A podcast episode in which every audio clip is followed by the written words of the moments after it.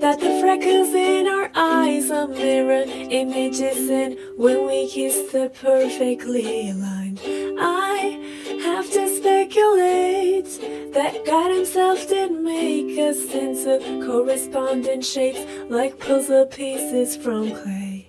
True, it may seem like a stretch, but it's thoughts like this that catch my trouble head when you're away, when I am missing you to death. When you're out there on the road for several weeks or shows, and when you scan the radio, I hope this song will guide you home. They will see us waving from such great heights. Come down now, they say. But everything looks perfect from far away. Come down now,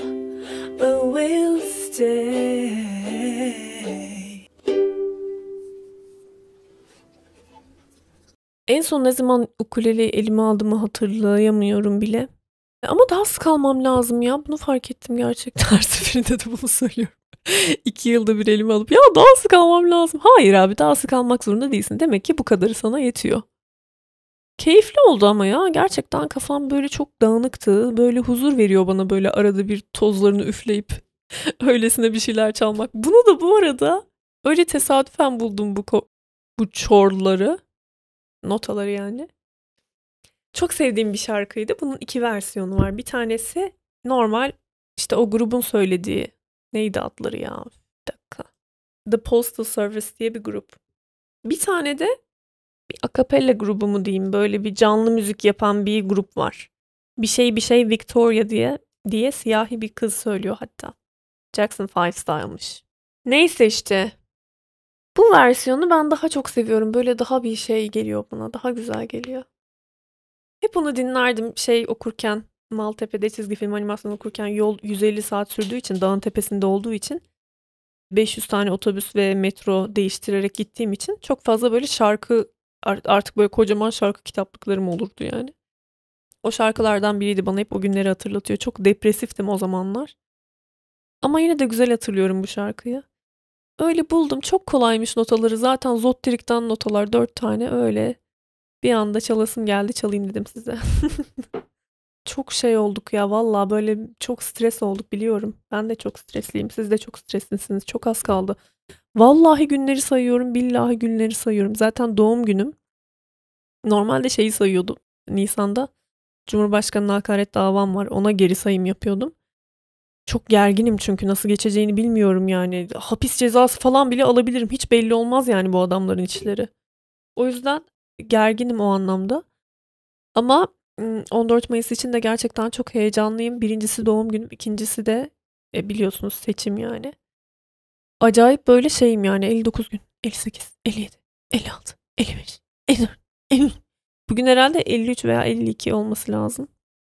Öyle sayıyorum hani böyle deliler Cenin pozisyonunu duvarın bir köşesinde. hani böyle ya ben bu deli akıl hastası falan muhabbetini çok yapıyorum da mental hastalıkları falan yapıyorlar. Geri zekalılar ne alakası var ya Allah Allah. Ben de deliyim yani. Ben de mental hastalığa sahip olduğum için rahatça şaka yapıyorum bu konuda. Siktirin gidin. Neyse. Bir anda parlamak. çok huzurluyum. 5 dakika önce çok huzurluydum. Geri zekalılar siktirin gidin falan noktasına gelmem. 2 saniye almadı yalnız. Neyse.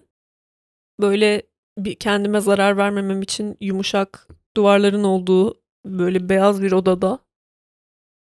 Gerçi o zaman nasıl duvara çentik atacağım? Normal hapishane o zaman olarak düşünebiliriz. Duvarları böyle 53, 52 falan diye çizgiler. Kendimi resmen öyle hayal ediyorum. Bunu da size çok uzun zamandır söylüyorum ama öyle hayal ediyorum kendimi yani.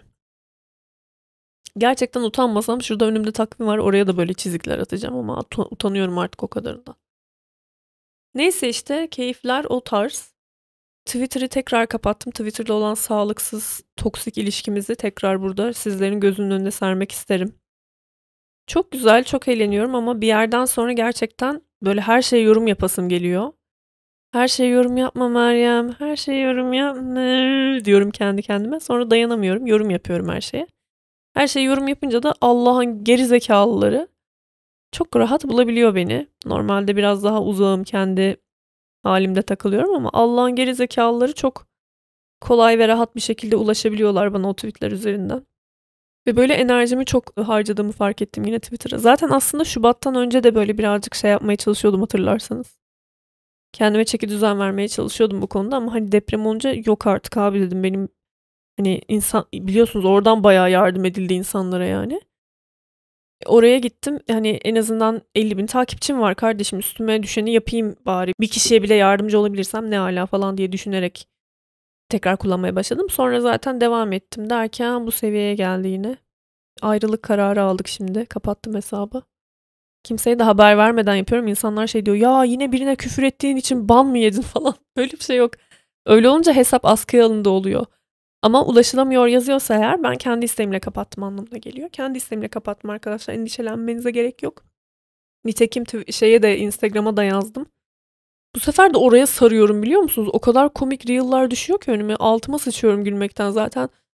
Uyumadan önce ben insanlarla çok dalga geçerdim. TikTok izliyorsunuz mal mal falan diye. Ben de böyle boomer gibi reel izliyorum. Ay TikTok zaten çok kaotik ve insanlar çok gerizekalı ve çok linç ediyorlarmış.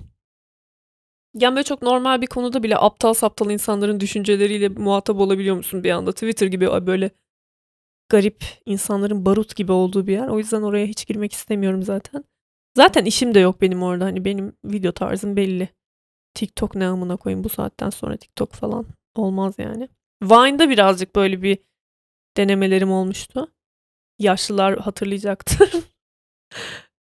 Zaten ben var ya Vine zamanından böyle ağzımın suları akıyordu. Ulan bir potansiyelim var bir bok yiyebilirim burada ben ama ne bok yiyeceğimi bilemiyorum derken Vine kapandı.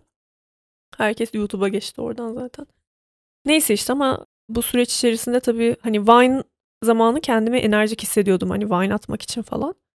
Ah ya aklıma şey geldi. Hesapları kapattılar. Dediler ki Vine duracak. Hesap duracak. İstediğiniz zaman erişebileceksiniz Vine'lara. Ben de zannediyorum ki kendi like'ladığımız Vine'lara da erişebileceğiz. Öyle tarihin çöplüğüne doğru gitti. Benim çok sevdiğim Vine'larım vardı. Çok güldüğüm Vine'lar vardı. Böyle çok güzel bir arşiv tutuyordum kendime. Kayboldu gitti hepsi. Ona çok üzülmüştüm. Son güne kadar hatırlatma yapmışlardı hatta. Vine'larınızı istiyorsanız indiriniz, art yapın, zurt yapın falan diye. Ama ne yapacağım yani? 1500 videoluk arşivimi indireceğim neyse işte. Öyle gitti hepsi. Vine zamanlarında enerjim vardı. Şu an yani hiç açıkçası zaten normal kendi hızımda takılıyorum. Hiç öyle Vine, Mine, Zort, Zurt, TikTok, MikTok falan şey yapamam. Ne diyorduk işte? Reel izliyorum. Allah'ım zaten bir yatıyorum yatağa. Sabaha kadar Fatih 750 tane Reel atıyorum ve izlemeyince de çok alınıyorum yani. Hemen hepsine teker teker soruyorum akşam. Niye buna kalp atmadın? Bunu izledin mi? Bak bunu da izledi. Diyor ki ya hepsini izledim. Beğenmedim abi tepki vermek istemedim o an. Nasıl tepki vermek istemezsin ya? Köpek düşüyor, kedi de götünü açıyor falan. Böyle şeyler. Böyle bir Vine şeyimiz oluştu yani rutin pardon Real rutinimiz oluştu. Ama onun dışında hani öyle şey yapmıyorum artık böyle daha kendime geldim o noktada. Twitter'a girip saçma sapan kavgalar içerisinde buluyordum kendimi. Biraz dedim ki sakinleşmem lazım falan. Öyle bir karar aldım. Biliyorum ki yine döneceğim. Var ya bu konuda gerçekten helal olsun diyorum Can Sungur'a. Herif kapattı abi. Açmıyor. Ve üstelik bana da diyor hani kapat. Ceren'e de hani biz şey diyoruz mesela. Hatta belki yanlış hatırlamıyorsam Zuhal de aynı bahaneyi kullanıyormuş. Bahane değil aslında ya ben bunun doğruluğuna gerçekten inanıyorum. Hani orada da açık olursak daha güzel oluyor bizim için. Daha relevant, daha hani insanlar görüyor beni. Sonuçta ben Twitter'da var olmayı seviyorum. Ne bileyim işte videolarımı görüyor insanlar, beni görüyorlar. Yani Instagram'da nasıl var olmayı seviyorsam Twitter'da da var olmayı seviyorum ben. Can da diyor ki hadi hadi bırak bunları falan bırak bu işleri. Çok boş muhabbet falan diyor. Ama yani helal olsun. Twitter'ı ben o kadar aktif olarak kullansam bir gün kapatmaya karar veremezdim herhalde. Kapatanlara çok şapka çıkartıyorum, saygı duyuyorum yani. Mesela Fatih de öyle. bayağıdır o yazdan beri kapalı tutuyordu. En son bir kedi işkence görüntülerine dayanamamıştı. Demişti ki ya sikerim ben kapatıyorum falan. Ondan sonra geçen gün bir böyle bakmak istemiş. Girmiş dedi ki bana ya dedi yemin ederim yazdan beri aynı. Hiçbir değişiklik yok dedi. O konu hakkında birisi şöyle bir tweet atmıştı. Twitter öyle bir yer ki bir gün girmezsen çok şey kaçırıyorsun ama 6 ay girmezsen hiçbir şey kaçırmıyorsun. Böyle aynen. Öf, bir de o kadar önemli bir yer oldu ki artık insanlar ne bileyim işte politikacılar orada bize kendilerini beğendirmeye çalışıyorlar. İnsanlar afetlerde falan filan haberleşiyorlar. Aşırı önemli ve hayatımızın bir parçası haline geldi. En azından benim için öyle. Ve bence birçok insan için öyle. Tamam haberdar olmayan bir sürü insan da var ama birçok insan için aynı zamanda çok da önemli bir yer. O yüzden ne bileyim işte. Aramdaki toksik ilişkiyi size anlatmak istedim. Her neyse. Öyle işte arkadaşlar ya. Şimdi değişik bir konudan bahsetmek istiyorum size. Aslında çok değişik değil ya. Yine aynı boklar da. Şeyi konuşamadık sizle. Selin Ciğerci'nin Konya'da güzellik salonu açmasına izin verilmemesine. Ben bu konuda çok sinirli. Yani şöyle ben zaten bir konuda çok sinirliydim. De- Deniz pardon Selin Ciğerci ile ilgili. Bu vesileyle o konuyu da konuşmak istiyorum sizinle. Birincisi podcast'imde bahsetmiştim. Belki Çomar Posting'de de bahsetmişimdir. Bizim halkımızın iki yüzlülüğü. Yani gay ve trans insanları eğlence olarak takip edecekler ya da ne bileyim başka şeyler için çok böyle makul görüyorlar. Tamam mı? Belirli işleri, belirli şeyleri onlara çok yakıştırıyorlar ama onun dışında sosyal hayatta diğer insanlar gibi var olmalarını istemiyorlar. Yani gidip bir güzellik salonu açam ya o kadar korkuttu ki beni o görüntü. Şey aklıma geldi ya. Sivas'ta Madımak Oteli'nin o belgeseli izlemediyseniz arkadaşlar Mehmet Ali Birand'ın o olay hakkındaki belgeselini mutlaka YouTube'dan izlemenizi şey yaparım yani tarihimizin çok önemli ve çok bence herkesin bilmesi gereken bir şey. Belki o zaman doğmamışsınız belki çok küçüktünüz ama bilmeniz gerekiyor yani baya baya insanları sırf kendilerinden farklılar, kendilerinden farklı düşünüyorlar, kendilerinden farklı etnik kimlikleri var diye oteli sardılar ve yaktılar yani Sivas'ta oldu bu olay ve korkunç yani bildiğin insanları cayır cayır yaktılar ve bu beni inanılmaz korkuttu. Böyle tekbir getiriyorlar, binanın etrafını sarıyorlar. Düşünsenize o içerideki insanın psikolojisini ya. Ne kadar korkunç bir şey. Ve sırf sen onların kimlik olarak onların belli inançlarına, belli kafalarındaki şeye uymuyorsun diye, transsın diye. Ya böyle bir şey kabul edilebilir mi arkadaşlar ya? İnanılmaz yani çok midem bulandı benim o durumdan.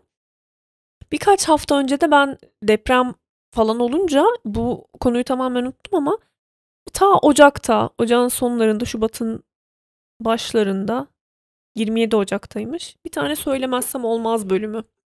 Acayip canımı sıkmıştı ve demiştim ki ben bundan mutlaka podcast'e bahsedeceğim, konuşacağım bu konuyu konuşmazsam olmaz. Şimdi bu Beyaz TV'de söylemezsem olmaz diye bir program var. Seren, hatta Seren Serengil ayrıldı baya baya dedikodu programı. Okey olabilir magazin, dedikodu, paparazzi bunlar olan şeyler. Her ne kadar insanların hayatlarına burun sokmak olsa da sonuçta public figürler var. İşte hakkında konuşulan, hayatı merak edilen insanlar var. Ve bir dereceye kadar işte hayatlarını konuşuyorlar, dedikodu ediyorlar. Yeni bir haber olursa sunuyorlar falan. Bu da bir iş sektör sonuçta yani bu da bir iş kolu. Buna bir şey demiyorum zaten. Ama Türkiye'de mesela ben başka Amerikan paparazilerini de takip ediyorum. Hiç kimse kendi mutasip böyle kendi hayatının, kendi inancının, kendi dar çerçevesinin içerisinden bakmıyor olaya. Öyle konuşuyor mesela dedikoduyu yapıyorlar. Üzerine konuşuluyor, bitiyor. Bizim Türkiye'de şöyle bir durum var. Mesela bu söylemezsem olmaz da zaten Beyaz TV'nin yayın politikasının gereği olduğunu düşünüyorum. Yani Türkiye'de de artık öyle bir damar oluştu ya daha muhafazakar hani o askılıyı belki o insanın evinin içinde giysen seni çok yadırgarlar. Ama o askılı kıyafetle oturup başka insanları yargıladığın zaman sen hiç yadırgamıyorlar. Mesela bayağı en muhafazakar insan bile açıp ne kadar da haklı kız ne kadar da doğru konuştu falan diye senin savunabiliyor. Çünkü mesela şey yapıyorsun Selin Ciğerci için aptalca bir yorum yapıyorsun işte trans düşmanlığı yapıyorsun herkes tabii ki orgazm oluyor o süper laf soktu falan diye. Bu iki yüzlülük yani bizim Magazinimiz, paparazimiz bile böyle bu çarpık ahlak anlayışı üzerinden değerlendiriyor olayları. Yani hiçbir şekilde şey demiyorlar. Aa mesela şu konuşulmuyor. Selin Ciğerci işte taşıyıcı anneden çocuk yapmış. Taşıyıcı anne nedir? Aa taşıyıcı anne işte etik mi? Falan bunu tartışabilirsin bu konu üzerinden. Ama bunlar bildiğin şey diyorlar ya Selin Ciğerci anne olamaz. Baya baya böyle transfobi yapıyorlar. İnanılmaz iğrenç şeyler konuşuyorlar. Baya şey diyorlar hatta bir noktada şey bile dedi. Sen önce o takma tırnaklarını çıkaracaksın anne olmak istiyorsan falan diye böyle iğrenç bir noktaya bile gitti olay. Yani sen bu kadar aşağılıklaşamazsın.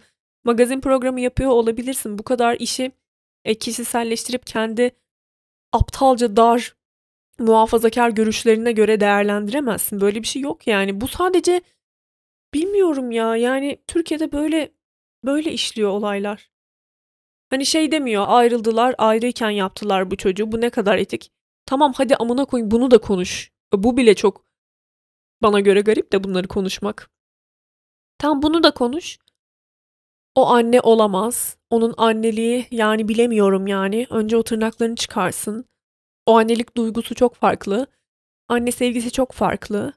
Onlar işte şöyle yapıyorlar, böyle yapıyorlar. Hayatları şöyle böyle, şöyle olacakmış. Böyle iğrenç ya böyle o kadar midem bulandı ki size ne ya? Size ne? Gerçekten ya bunu mu?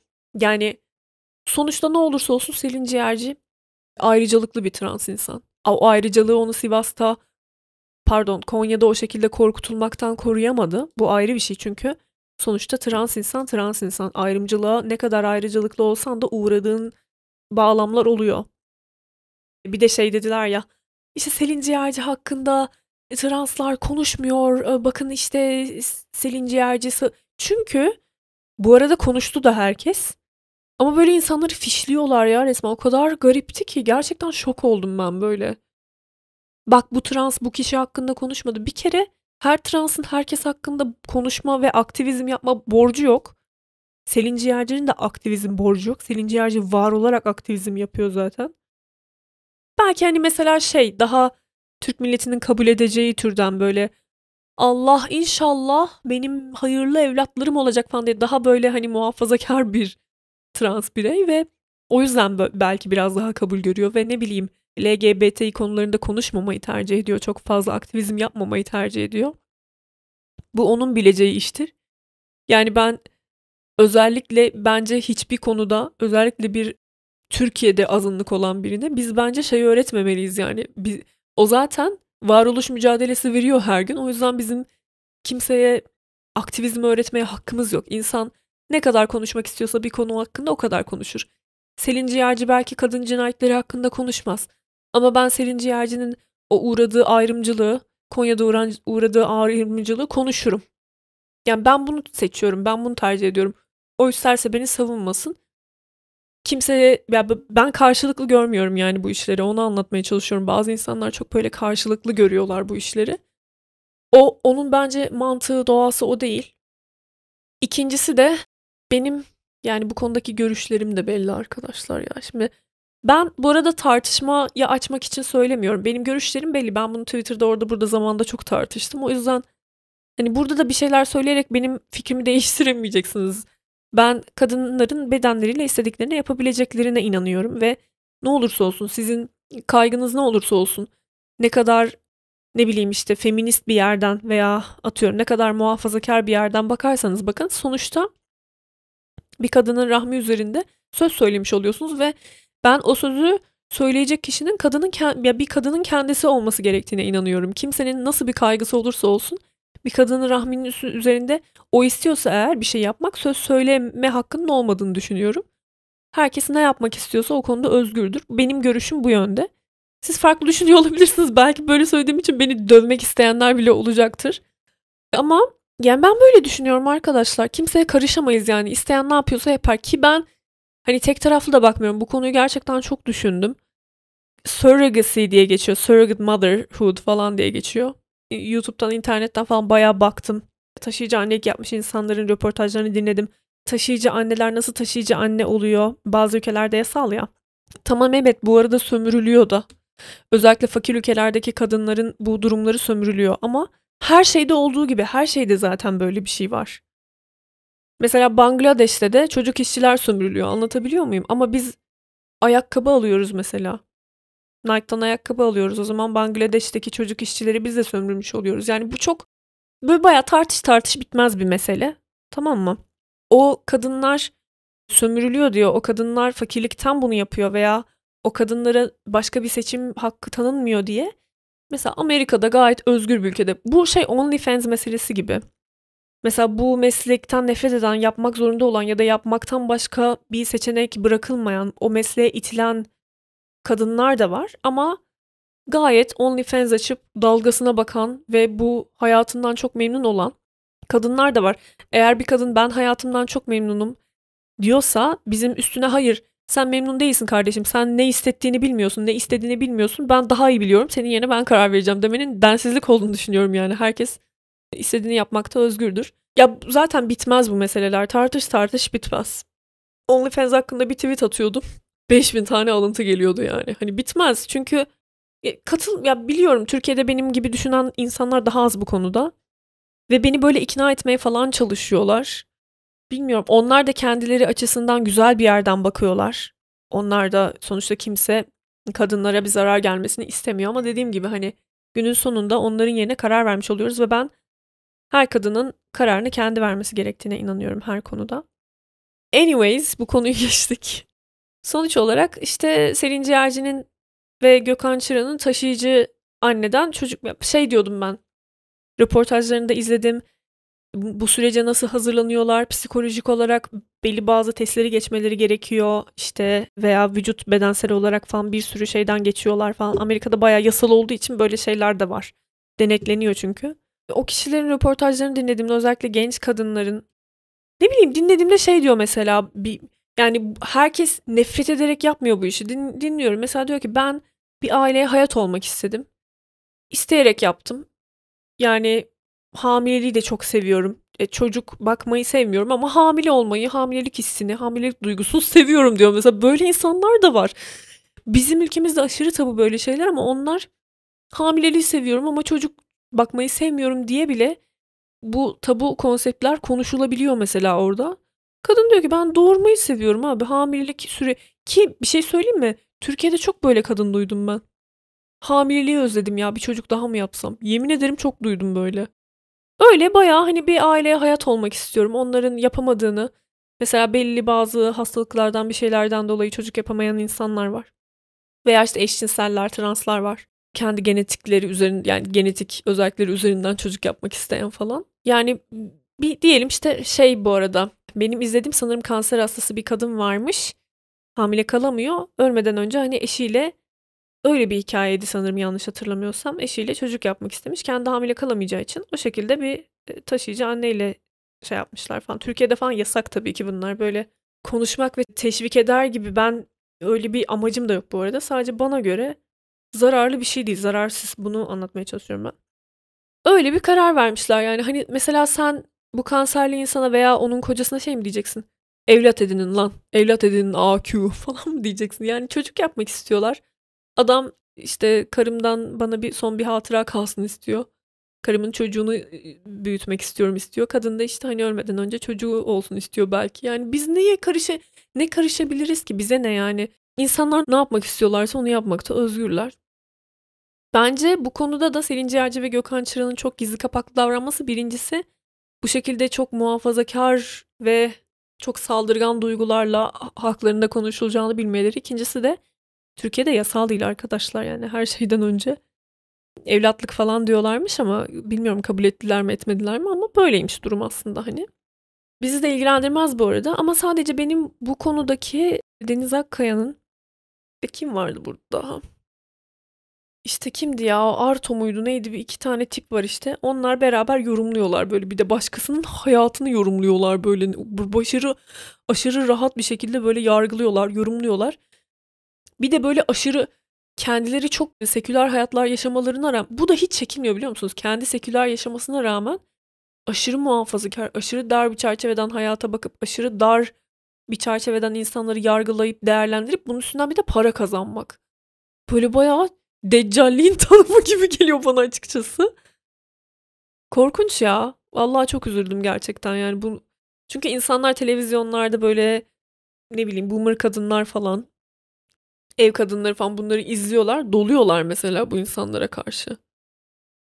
Ve sen de buna katkı sağlamış oluyorsun. Mesela o Konya'da gidip yani ya Allah bismillah Allahu ekber falan diye bağırarak o kadını korkutan insanların arasında senin de yani buna senin katkın olması, eğer o kadına bir şey olsa senin elinde de kan olacak olması bu insanları hiç rahatsız etmiyor vicdanen. Bu çok beni çok midemi bulandırmıştı. Birazcık dinleyelim isterseniz beraber yorumlayalım. Hoş geldin Deniz. Hoş geldin Deniz. Ne kadar zayıflamışsın. Ya zayıfladım. Yoga yapıyorum artık. Şeyi bıraktım. O zaman spor yerine yoga, yoga demek ki daha inceltebiliyor. Çünkü sporken daha kaslıydın. Evet, daha kaslı. Şimdi... Ama geri döneceğim ona. Yani o bir süreçti aslında. Bu arada Deniz Akkaya böyle bayağı Seren Serengil'i body shame yapmıştı. Böyle inanılmaz aşağılamıştı. Ve kendisinin ne kadar sportif, ne kadar harika, ne kadar güzel vücuda sahip olduğundan falan bahsediyordu. Yani tipine bakınca bence öyle aşırı abarttığı kadar kendi anla ben zannediyorum ki böyle at gibi falan böyle hani kastan hani Madonna kastan seçilmiyordu ya bir ara. 40-50 yaşlarındayken kadının yani böyle götünün yanağına kadar kastı. Acayip böyle insanlar özeniyordu ona falan. Aşırı spor yapıyor, bakımını yapıyor. Şimdi nasıl bilmiyorum ama tabii şimdi biraz daha yaşlandı. Ben de öyle zannediyorum Deniz Akkaya. Kendi hakkında öyle bir konuşuyor ki böyle bir kas makinesi çıkacak böyle karşımıza. Bayağı Ebru Şallı gibi böyle incecik şekilli vücudu olan falan biri olacak zannediyorum. Vallahi hiç çok disiplinli bir şekilde spor yapan birinin vücudu değil bu. Şemlemek için söylemiyorum. Benim vücudum da çok disiplinli bir şekilde spor yapan birinin vücudu gibi değil. Yani ben bir kez daha emin oldum beden algı bozukluğundan kendisinin. Teşhis koymak haddime değil, bana düşmez ama kendimce ben çünkü kendim de yani genç kız olan herkes abi hayatının bir döneminde ya yeme bozukluğu ya beden algı bozukluğu yaşamıştır yani. Dünyada yaşıyorsanız, uzayda yaşamıyorsanız ve böyle mükemmel bir ortamda yetişmediyseniz, inanılmaz özgüvenli, inanılmaz böyle mükemmel yetişmediyseniz oluyor yani. Olan şeyler bunlar. Kim mükemmel yetişsen bile medya var. Medyadan kaçamıyorsun yani.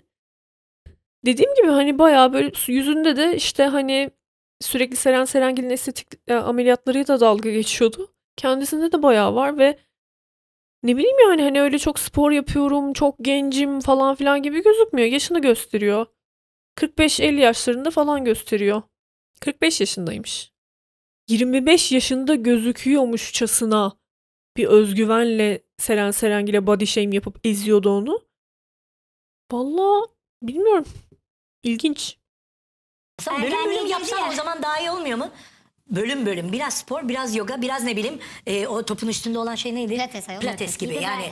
Hepsini yapıyor zaten. ya milli takım Hayır, Biz ama sen gelmeden sen eşim gibi sporcu değil sen gelmeden önce konuşup Vallahi sabahın senden beş konuştum. buçuğunda Bunu kalkıp söyledim helal olsun dedim. Böyle bir şey Beni mümkün sürüsü değil ben yani. bana çok isteyeceğim bir şey vaat etmen lazım ki beni beşte kaldırıp koşturman için. Bugün de yoga yaptım sabah. Bravo. O kadar iyi duruyorsun ki yani. disiplin isteyen bir Çok şey. çünkü. aylar sonra seni ilk Birbirlerine böyle şmuz yapıyorlar. Göt yalama seansları. Aşırı sıkıcı ama muhabbet ne zaman başlayacak bilmediğim için mecburen maruz, kal- maruz kalıyoruz arkadaşlar. Deniz geldin hoş geldin. Hoş bulduk. Yerindesin. Yerimdeyim. Hep Şu biraz rahatlatalım Benim diye böyle bir dışarı sohbet. yavaş yavaş. Yok oturan şey Neyse sakın girmeyin.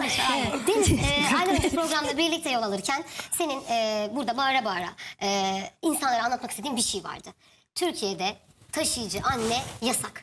Bunu söylemiştin. Ben de onu tabii şey kanunlar böyle söylüyor. Kanunlar yani. böyle söylüyor demiştin. Ama kişi burada yapmadı. Hala niye ona bağırıyorsun? Şimdi? VTR'sini izleyeceğiz. Hepsini sana soracağız. Buyursunlar. Selin ciğerci Yaşamayacak mı çocuk yavrucuğum? Selin Ciğerci ve Gökhan Çıra çocuk sahibi olduğunu duyurdu. Selin Ciğerci ve Gökhan Çıra nasıl çocuk sahibi oldu? Bebek sahibi olmak için çirkin pazarlıklar mı yapıldı? Yasalar ne diyor? Ananın amını diyor yasalar. Allah'ım. Çirkin pazarlıklar mı yapıldı? Ananın amı ya. Ya böyle bayağı insanların zaten muhafazakar duyguların üstüne üstüne böyle iyice insanları fişekleyecek, iyice böyle yangına körükle gidiyorlar. Biliyorlar çünkü izleneceklerini, bu konunun böyle bayağı alıcısı olduğunu biliyorlar. İyice yangına körükle gidiyorlar. İğrenç ya. Şimdi söylemezsem olmaz da.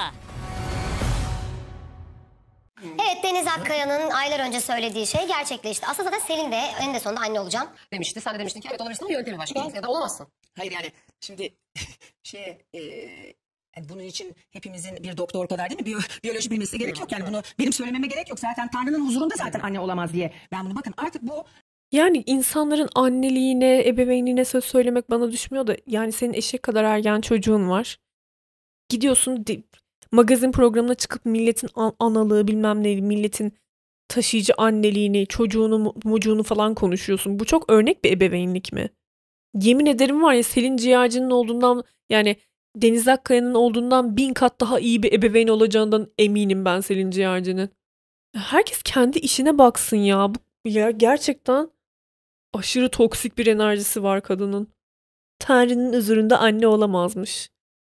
Yani size mi kaldı Allah aşkına insanların ebeveynliğini sorgulamak ya da Türkiye'deki bütün anneler babalar çok mu harika? Çocuklarına neler neler yapıyor insanlar. Bir tane zengin futbolcu ve bir tane zengin güzellik salonu artık sahibi mi neydi işini falan bilmiyorum Selin Ciğerci'nin. Böyle bir kadının trans bir kadının nasıl çocuk bakacağını nasıl ebeveynlik yapacağı size mi kaldı? Allah aşkına eminim çok keyifle çocuklarını büyüteceklerdir ya. Hayvan gibi paraları var. Yani o çocuk çok daha şanslı birçoğumuzdan, birçoğumuzun çocuğundan falan çok daha şanslı. Ve çok da ben bu VTR'yi vermedim podcast uzamasın diye. O kadar güzel konuşuyorlar ki çocukları hakkında. Kimse bizim çocuğumuz hakkında bir şey söyleyemez. Biz gayet güzel ebeveynliğimizi yaparız. Kimse merak etmesin. Çocuklarımızı, ailemizi üzerinde gözünün yaşına bakmayız diye baya baya kendilerini güzel güzel koruyorlar yani. Kimseye düşmüyor bence. Böyle insanları şey yapıyorlar.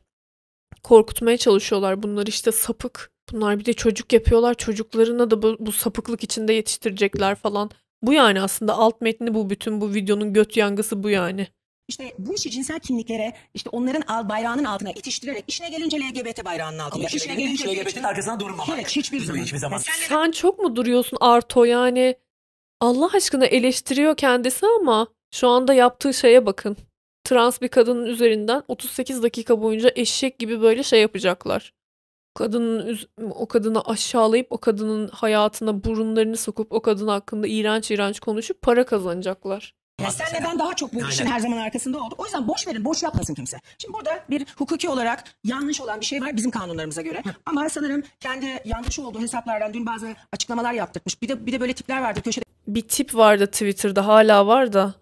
Ben işte en LGBTİ savunucusu, en iyi destekçisi benim. Benim işte gay arkadaşlarım da var falan. Ya siktirin gidin ya. Yani bir tane story'inde 15 Haziran'da gökkuşağı bayrağı paylaşsın diye savunucu olmuyorsun. O insan gibi bir gün yaşamaya çalış bakalım. Ama sanırım kendi yanlış olduğu hesaplardan dün bazı açıklamalar yaptırmış. Bir de bir de böyle tipler vardır. Köşede köşe yastığı gibi oturur konuşmaz. Başkalarına yaptırırlar. Şimdi bu Burada şöyle bir durum olabilir. Yani biz bu kanuna aykırı diyoruz ya bu konuyu. Eğer baba vatandaşlık aldıysa, anne vatandaşlık aldıysa başka ülkeden Türkiye Cumhuriyeti'nin kanunları geçerli değil. Sana başka bir şey söyleyeceğim. Peki ikisi de Türk olabilir ama çocuk yurt dışında yapılmış. Yabancı menşeli bir anneden gelmişse nasyonalitesi İngiliz, Kıbrıs ve neyse. Baba Türk olunca olmuyor. Olmuyor mu? Yine mi yasak oluyor? Yani başkasından yapılmış ama baba spermiyle yapıldığı için mi olmuyor? Yasak oluyor. Yani Türkiye Cumhuriyeti'nin kanunlarının içinde bir usulen bir işlem görmesi için e, Çünkü Türk spermi olduğu için mi diyelim o zaman? Çünkü gidiyor Kıbrıs yurt dışında yapıyor aslında. Ay, İğrenç değiller mi? Milletin spermini, spermini bilmem neyini konuşuyorlar. Size ne ya? Bilmem o yasa böyle olmuş, bu şöyle olmuş. Abi size ne doğmamış çocuklar, bebek. Ya utanmıyor musunuz Allah aşkına ya? O bebeği çok düşünseler daha doğmadan hakkında program yapmazlardı o çocukları çok umursasalar. Hep bu insanların zaten bu fobik insanların en favori şeyidir çocukları bahane etmek. Aman Allah'ım çocuklar ne olacak? Ulan sen çocuğu düşünsen ya bize düşmez abi konuşmayalım siktir edin. Hani çocukların sonuçta bu çocuklar büyüyecekler. Ne bileyim yani bu içerik internette olacak. Gerek yok yani çocukların akıl sağlığı için böyle analarına babalarına sataşmaya gerek yok diye düşünmen lazım senin. Çocukları asla düşünmüyorlar. Tıpkı kürtaj muhabbetinde olduğu gibi. Çocukları kimsenin siklediği yok. Yani daha birkaç haftalıkken böyle daha onun fotoğrafı vardı. Bayağı hücreler böyle spermlikten şekil olarak bile çıkmamış. Birkaç tane hücre bir araya bile gelememiş yani. Bebek daha bebeğin B'si yok ortada. Bunu anlamıyorlar. Mesela işte ilk ay ruhu üflenir, ikinci ay gözü burnu çıkar falan diye saçma sapan. Zaten belli bir haftadan sonra yasal değil ama o haftaya kadar yasal Türkiye'de kağıt üstünde de olsa şu an yasal yani. Sen yasaların üstüne zaten söz söyleyemezsin. İkincisi de kürtaj muhabbetinde de işte çocuk öyle olur, böyle işte olacak. Ben sen çocuğu öldürüyorsun falan. Çocuk doğunca kimsenin sikinde bile olmuyor. Gidin çocuk esirgeme kurumlarına bakın yani. Çocuklar ne kadar insanların sikinde. İşte çocuğunuzu doğurun biz bakarız. Asla yani böyle bir şey yok arkadaşlar. Kimsenin çocukları umursadığı yok. Amaç kadınları cezalandırmak. Sikişmesinler o zaman kardeşim. Sorumluluk alsınlar. Yani sikiştikleri için insanları cezalandırmak amaç orada. Ama sizin bu söylediğiniz yöntemi kabul etmiyor ki evlat edindim diyor ben. Taşıyacağım Ama evlat edindim. Ben dün yine bir çıkış yapınca Bence Gökhan'ın- bir AVM'nin önüne gidip soru sorun, soru sorun bana diye AVM önü yapılmış bir açıklama. Öncelikle böyle bir açıklama yapılmadı. Sonrasında yapıldı. Ya bu bakın o söyledi bu söyledi de değil. Ben kendime e, bakın ben e, söylediğim çıktı da değil. Tekrar ediyorum. E, Bircan'cığım senin de çocuğun var. Ebru senin de çocukların var. Benim kızım 13 yaşında bir boynum tutuk bakın yani Kızların ceza derken- versem olmuyor. kızların ne çok derken- sıkıntılı bir dönem Bir geçiriyorum. kızların derken? Ha? Kızın daha mı? Ay, Kızın kızın- kızın- Bana bir o 15 çocuğa bedel de ben de saklıyorum. Ben de dedim bir şey mi yakaladım? Okullarda inanılmaz bir mobbing var. Ve e, istediğiniz kadar böyle süslü cümleler, yaldızlı cümleler kullanın. Çocuklar nereden bu mobbing yapıyor biliyor musun? Evde anasından babasından duyduğu cümlelerle yapıyor. Bizim en baştan beri derdimiz buydu. Yoksa bu şahsın benim hayatımda, benim ilgi alanım, radarımda değil. Tekrar çocuk konusu oldu. Bir de şunu da söyleyeyim. Biz buna benzer bir olay açmayacağım. O da çünkü musallat olup duruyor bana. Başka bir LGBT üyesi sürekli dışarıda çocuk yapıp yapıp burada biliyorsun. Geldi yine aynı. Ay şimdi yine geldi. Kim olduğunu biliyorum. Beyle. Ha, yani bakın şimdi bunu lütfen LGBT üyesi, sanki örgüt üyesi. LGBTİ bir insan diyebilirsin ama LGBT üyesi. İşte bu kadar cahiller yani. Daha muhatap olduğu insanların insanlara nasıl hitap edeceğini bilmiyor. Lütfen yani bana göre nasıl ki ufacık hocalar e, 6 yaşındaki çocuklarla evlendirilmesi nasıl ki çok uçuk bir durum. Bu da çok radikal diğer uç.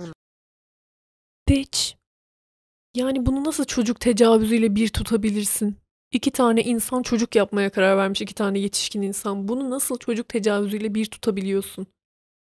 Sapık bunlar ya vallahi bak. O insanlara sapık diyorlar ama kendileri sapık aslında. Akıllarına hep böyle şeyler geliyor.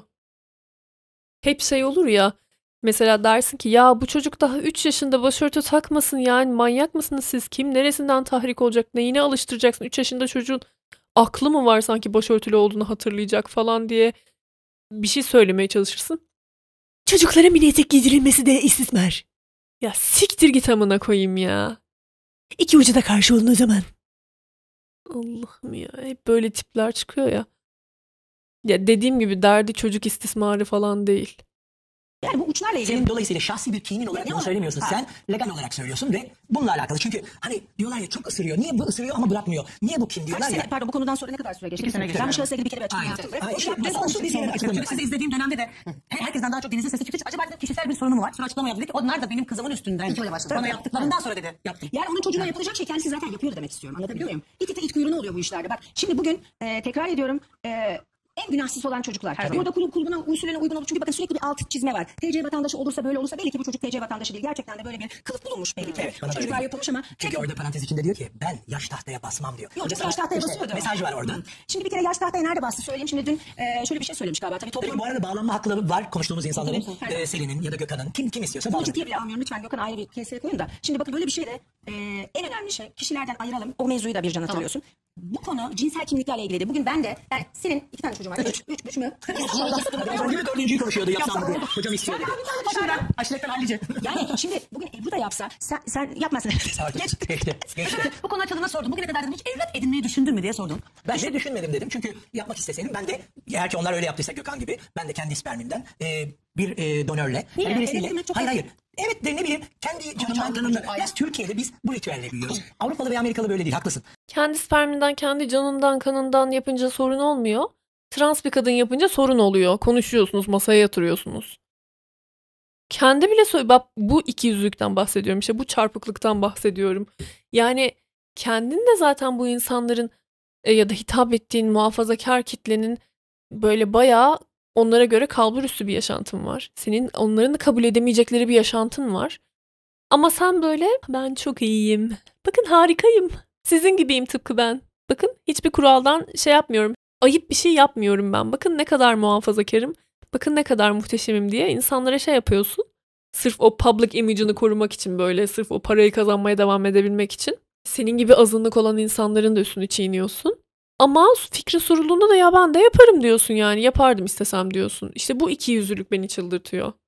Ama biz evet daha çok kimsesiz, e, daha zorlanmış ailelerdeki çocukları almak veya bıraktıkları çocukları almak doğru. Ama biz böyle yetişmemişiz. Evet, Yani haklısın. e, şimdi hattımızda Levent Karakoç var. Seninle e, destek temasına gitsin diye hukuki şeyleri bazen ona da soracağız ki senin söylediklerinin altını dolduralım. E, avukatımız Levent Karakoç günaydın. Günaydın. Lütfen buyurunuz. Şimdi Levent sana iki sorumuz var. Ben Ben bir önce şey de sorar mısın bu dünkü açıklama lütfen. Ha, Levent Bey merhaba nasılsınız? Merhabalar. Teşekkür ederim efendim. Siz nasılsınız? Çok Buyurun. teşekkür ederim. Bir kere dünkü yapılan ikinci açıklama üzerinden gidelim. Evlat edinmek için de belli kaideler var bildiğim kadarıyla. Bunun Tabii içinde ki, de tabii ki, yani tabii bakın bu kişilerin durumlarını az buçuk e, popüler medyadan takip ediyorsunuzdur. Evlat edinmek için de uygun bir ortam var mı? Onu soralım. Kesinlikle, kesinlikle. Evlat edinmek için hem belirli yaş farkının olması gerekli, evlilik koşulunun olması gerekli, e, ailenin düzeninin uygun olması gerekli. Medeni kanunda ona ilişkin kriterler ayrı ayrı sayılmış.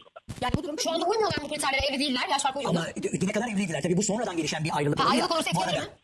Onu e, şu şekilde sosyal çocuklarla alakalı e, belirler, her koşula göre ayrı ayrı kriterler mevcuttur. E, evli olması, bundan evvelki geçmişte sabıkasının olmaması, bakın, bunu üzerine basarak söylüyorum, bu da önemli kriterlerden bir tanesidir. Evet. E, bunlar değerlendirilir, ondan sonra koşullar uygunsa verilir. Ama ailenin yapısı, şimdi burada özel bir durum var, first major bir durum var. Nedir first major durum? E, sonradan bir e, e, erkek bir şahsın kadın kimliğine bürünmesi şeklinde bir değerlendirme mevcut. Bazen medeni kanunun birinci maddesinde önce kanunlar der. Kanunların yetmediği yerde ise teamül hukuku, örf ve adet hukuku geçerlidir. Benim kanaatime göre örf ve adet hukuku kapsamında tıpkı Danimarka'da olduğu gibi bizde olacağı kanaatine taşıyorum.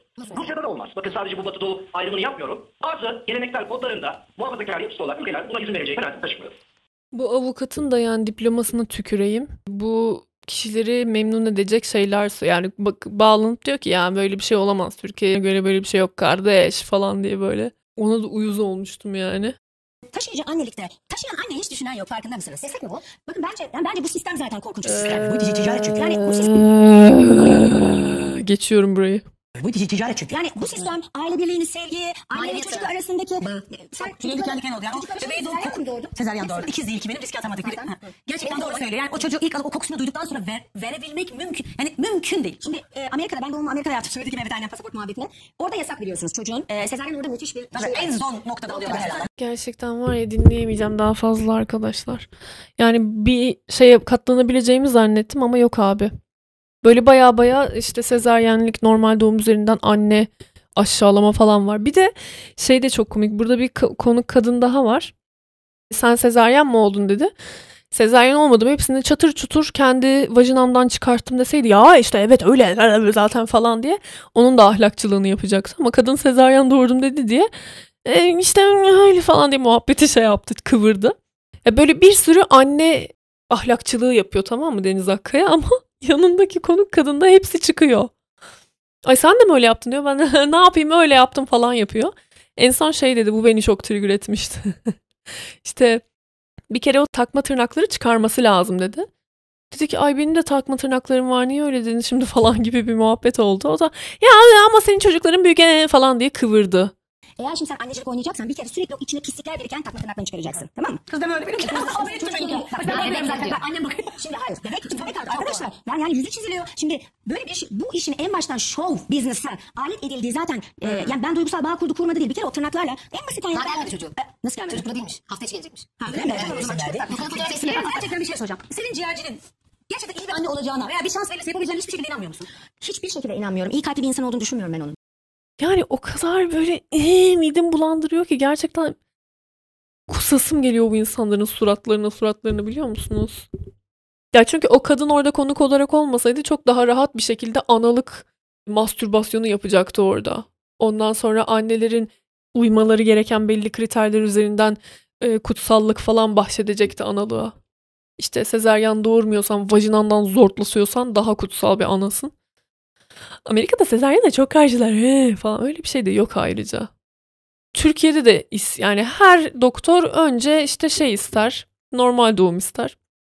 Tabii bu değişiyor. Kimi doktor artık hiç bağırtmadan direkt sezaryene alıyorum kanka falan diyen doktorlar da var. Ya bu bir doktor görüşü. Aa Amerika'da öyleymiş kanka falan diye bir şey yok yani. Tamamen götten uydurma bir hassasiyet. Ama işte böyle bu hani bunların böyle bu ahlakçılık yapma arzuları. Ama orada bile o ortamda bile rahatça yapamaması. Çünkü kendileri de öyle yaşıyorlar zaten kendi çevreleri de öyle yaşıyor. O yüzden rahatça yapamıyorlar. Ve yapmaya çalıştıkları şeyler de çok böyle eğreti duruyor. Ama bir şekilde bunu bu muhafazakar izleyiciye yedirebiliyorlar. Ki ben çok da bu arada şey diye düşünmüştüm. Ulan var ya televizyon izlemiyoruz biz belki gençler olarak. Kusura bakmayın 30 yaşında kendimi de genç saydım ama biz televizyon izlemiyoruz ama televizyonlarda insanlar hala yani ülkenin çok büyük bir bölümü hala televizyon izleyerek ana haber kaynakları orası yani ve hala böyle şeyler izliyorlar ve baya baya toplum mühendisliği yapılıyor televizyonlar üzerinden halka neyi hani neyi, neyin duyarı kasılacak ki bu arada Türkiye o, o noktada da çok gelişmiş bir ülke ha. Yani bizim her türlü trans sanatçılarımız da vardır, gay sanatçılarımız, crossdresser sanatçılarımız da vardır. Bunların bu durumlarından hiç bahsedilmez. Üstü kapalı bir şekilde gayet o konular tabu olarak bir kenarda durur ama bu sanatçılara çok saygı duyulur, çok sevilirler, çok dinlenirler falan. Yani Türkiye'nin öyle bir geçmişi var zaten. Türkiye'de çok da aslında yemez biliyor musunuz? Bazen çok yanlış hissediyoruz kendimizi ama Türkiye'de öyle yani bizim aslında hamurumuzda şey yok. Evet muhafazakar bir toplumuz genel olarak. Daha böyle ha, hatta en seküler yaşayanımızın bile böyle hassasiyetleri falan vardır ama bizim tek hamurumuz bu değil aslında onu söylemeye çalışıyorum. Bizim böyle çok progresif, çok böyle o, ne olacak onların hayatı falan deyip önüne bakmasını bile bilen insanlarımız da var. O yüzden başta çok üzüldüm ya dedim televizyonda insanlar bunları izliyor biz boşuna çırpınıyoruz böyle YouTube'da kendi birbirimize bağırıp duruyoruz bir şeyleri ama kimse duymuyor falan. Ama ne bileyim sonuçta söylemezsem olmazın YouTube kanalını takip eden orada yorum yapan 700 yorum gelmiş mesela. 700'e yakın yorum gelmiş. En üstteki yorumlardan biri şu mesela Türkiye'de aile yapısı sağlıklı olmayan binlerce insan çocuk sahibi oluyor. Selim ve Gökhan'ın çocuk sahibi olması neden bu kadar kötü gösteriliyor anlayamadım. İnsanların hayatına bu kadar müdahale edemezsiniz. Harika bir yorum, yorum ya.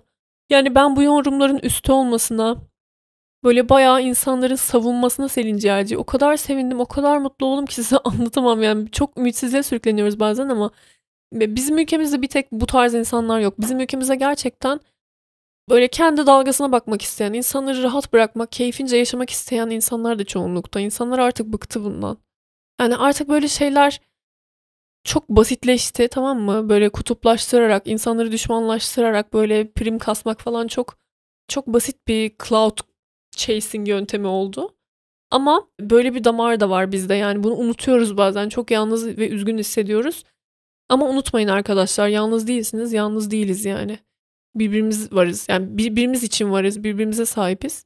Birbirimizin arkasındayız. Yani ben en azından kendi adıma her türlü haksızlığa uğrayan her türlü azınlık insanın hakkını savunmaya çalışacağım elimden. Ya yani çalışıyorum ve çalışacağım elimden geldiğince.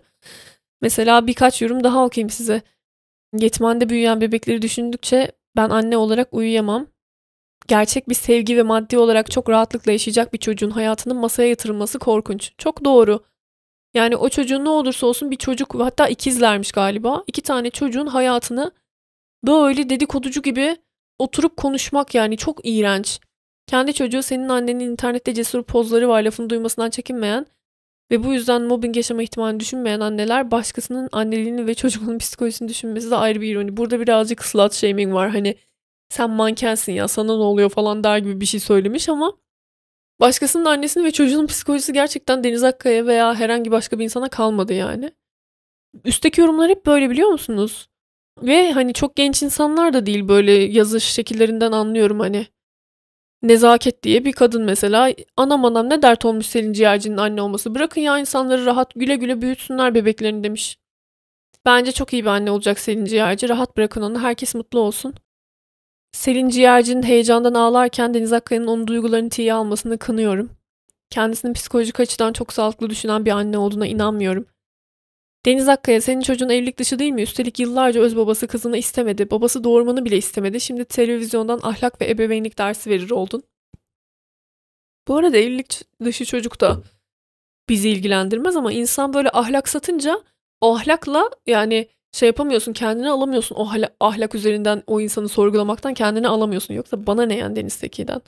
Pardon Deniz Deniz Tekin'in o kadar günahını aldık ki var ya şu Deniz Seki ay Deniz Akkaya muhabbeti onun olduğu podcastlar boyunca. Kadın dava etse yeridir bizi yani. Neyse. Kendi mutsuz olan insan başkasının mutluluğunu görmek istemez. Çocuğunun durumuna üzülüyorum. Şimdiden düşmanları çoğaldı. Aile ne kadar çok severse sevsin akranlarının söylediği onu yaralar, üzer. Yani bu da başka bir bakış açısı. Bu tartışılabilir mesela şey denebilir. Türkiye'deki ilk bu şekilde aile olacaklar. Çocuklarını güzel koruyabilecekler mi? Sonuçta çocuğa bulilememeyi öğretemiyorsun. Birbirlerinden gaz alıyorlar. Çok çirkin, iğrenç şeyler yapabiliyorlar yani akranlarına. O yüzden belki bu konuşulabilirdi. Bu güzel bir sohbet konusu olurdu. O çocuğu nasıl koruyabilirler? Ya da Türkiye'de büyütmeleri doğru mu? Çok konuşmak istiyorsan bunları konuş ya. Sana ne milletin sperminden, osundan, busundan abicim ya. Vallahi. Çok ayıp. Allah. Selin çok iyi bir anne olacak inşallah. Vallahi hep böyle yorumlar ya. Gerçekten böyle ümidim şey oldu. Keyifleniyorum arkadaşlar ben. Biraz ümitleniyorum. Ne var yani? Bana ümitlendiğim için çok dalga geçenler oluyor hala. Ama ben ümitliyim her şeye rağmen. Mutluyum, keyifliyim. Güzel şeyler olacağına inanıyorum. Her şey çok güzel, her şey çok güzel olacak. Her şeyin çok güzel olacağına inanıyorum. Bence 14 Mayıs'tan güzel bir sonuç alabiliriz arkadaşlar. Neyse aman. Ümitliyim işte var mı? Sikerler. Ümidim var. Gençliğimiz var, ümidimiz var. Ne yapalım yani? Ya 2013'ten beri bile diyebiliriz bunu. Hadi yine tamam. Tamam bari 2017 diyelim. 2017'den beri böyle mutsuz, depresif, keyifsiz, üm- ümitsiz yaşıyoruz. Çoğumuz. Ve ben artık ümitlenmek istiyorum. Sikerim dünyayı artık ümitleneceğim. Böyle bitirmek istedim bu podcast'i. Şu an pankekim geldi. Klavyenin üstüne götünü attı. Burada yatmaya çalışıyor ve bu bana artık bölümü sonlandırmam gerektiğini hatırlatan bir gerçek oldu. Kendisinin katlanmış ensesini ve obez karnını severek size veda ediyorum. Kendinize çok iyi bakın arkadaşlar. Ümidinizi kaybetmeyin. Hoşçakalın.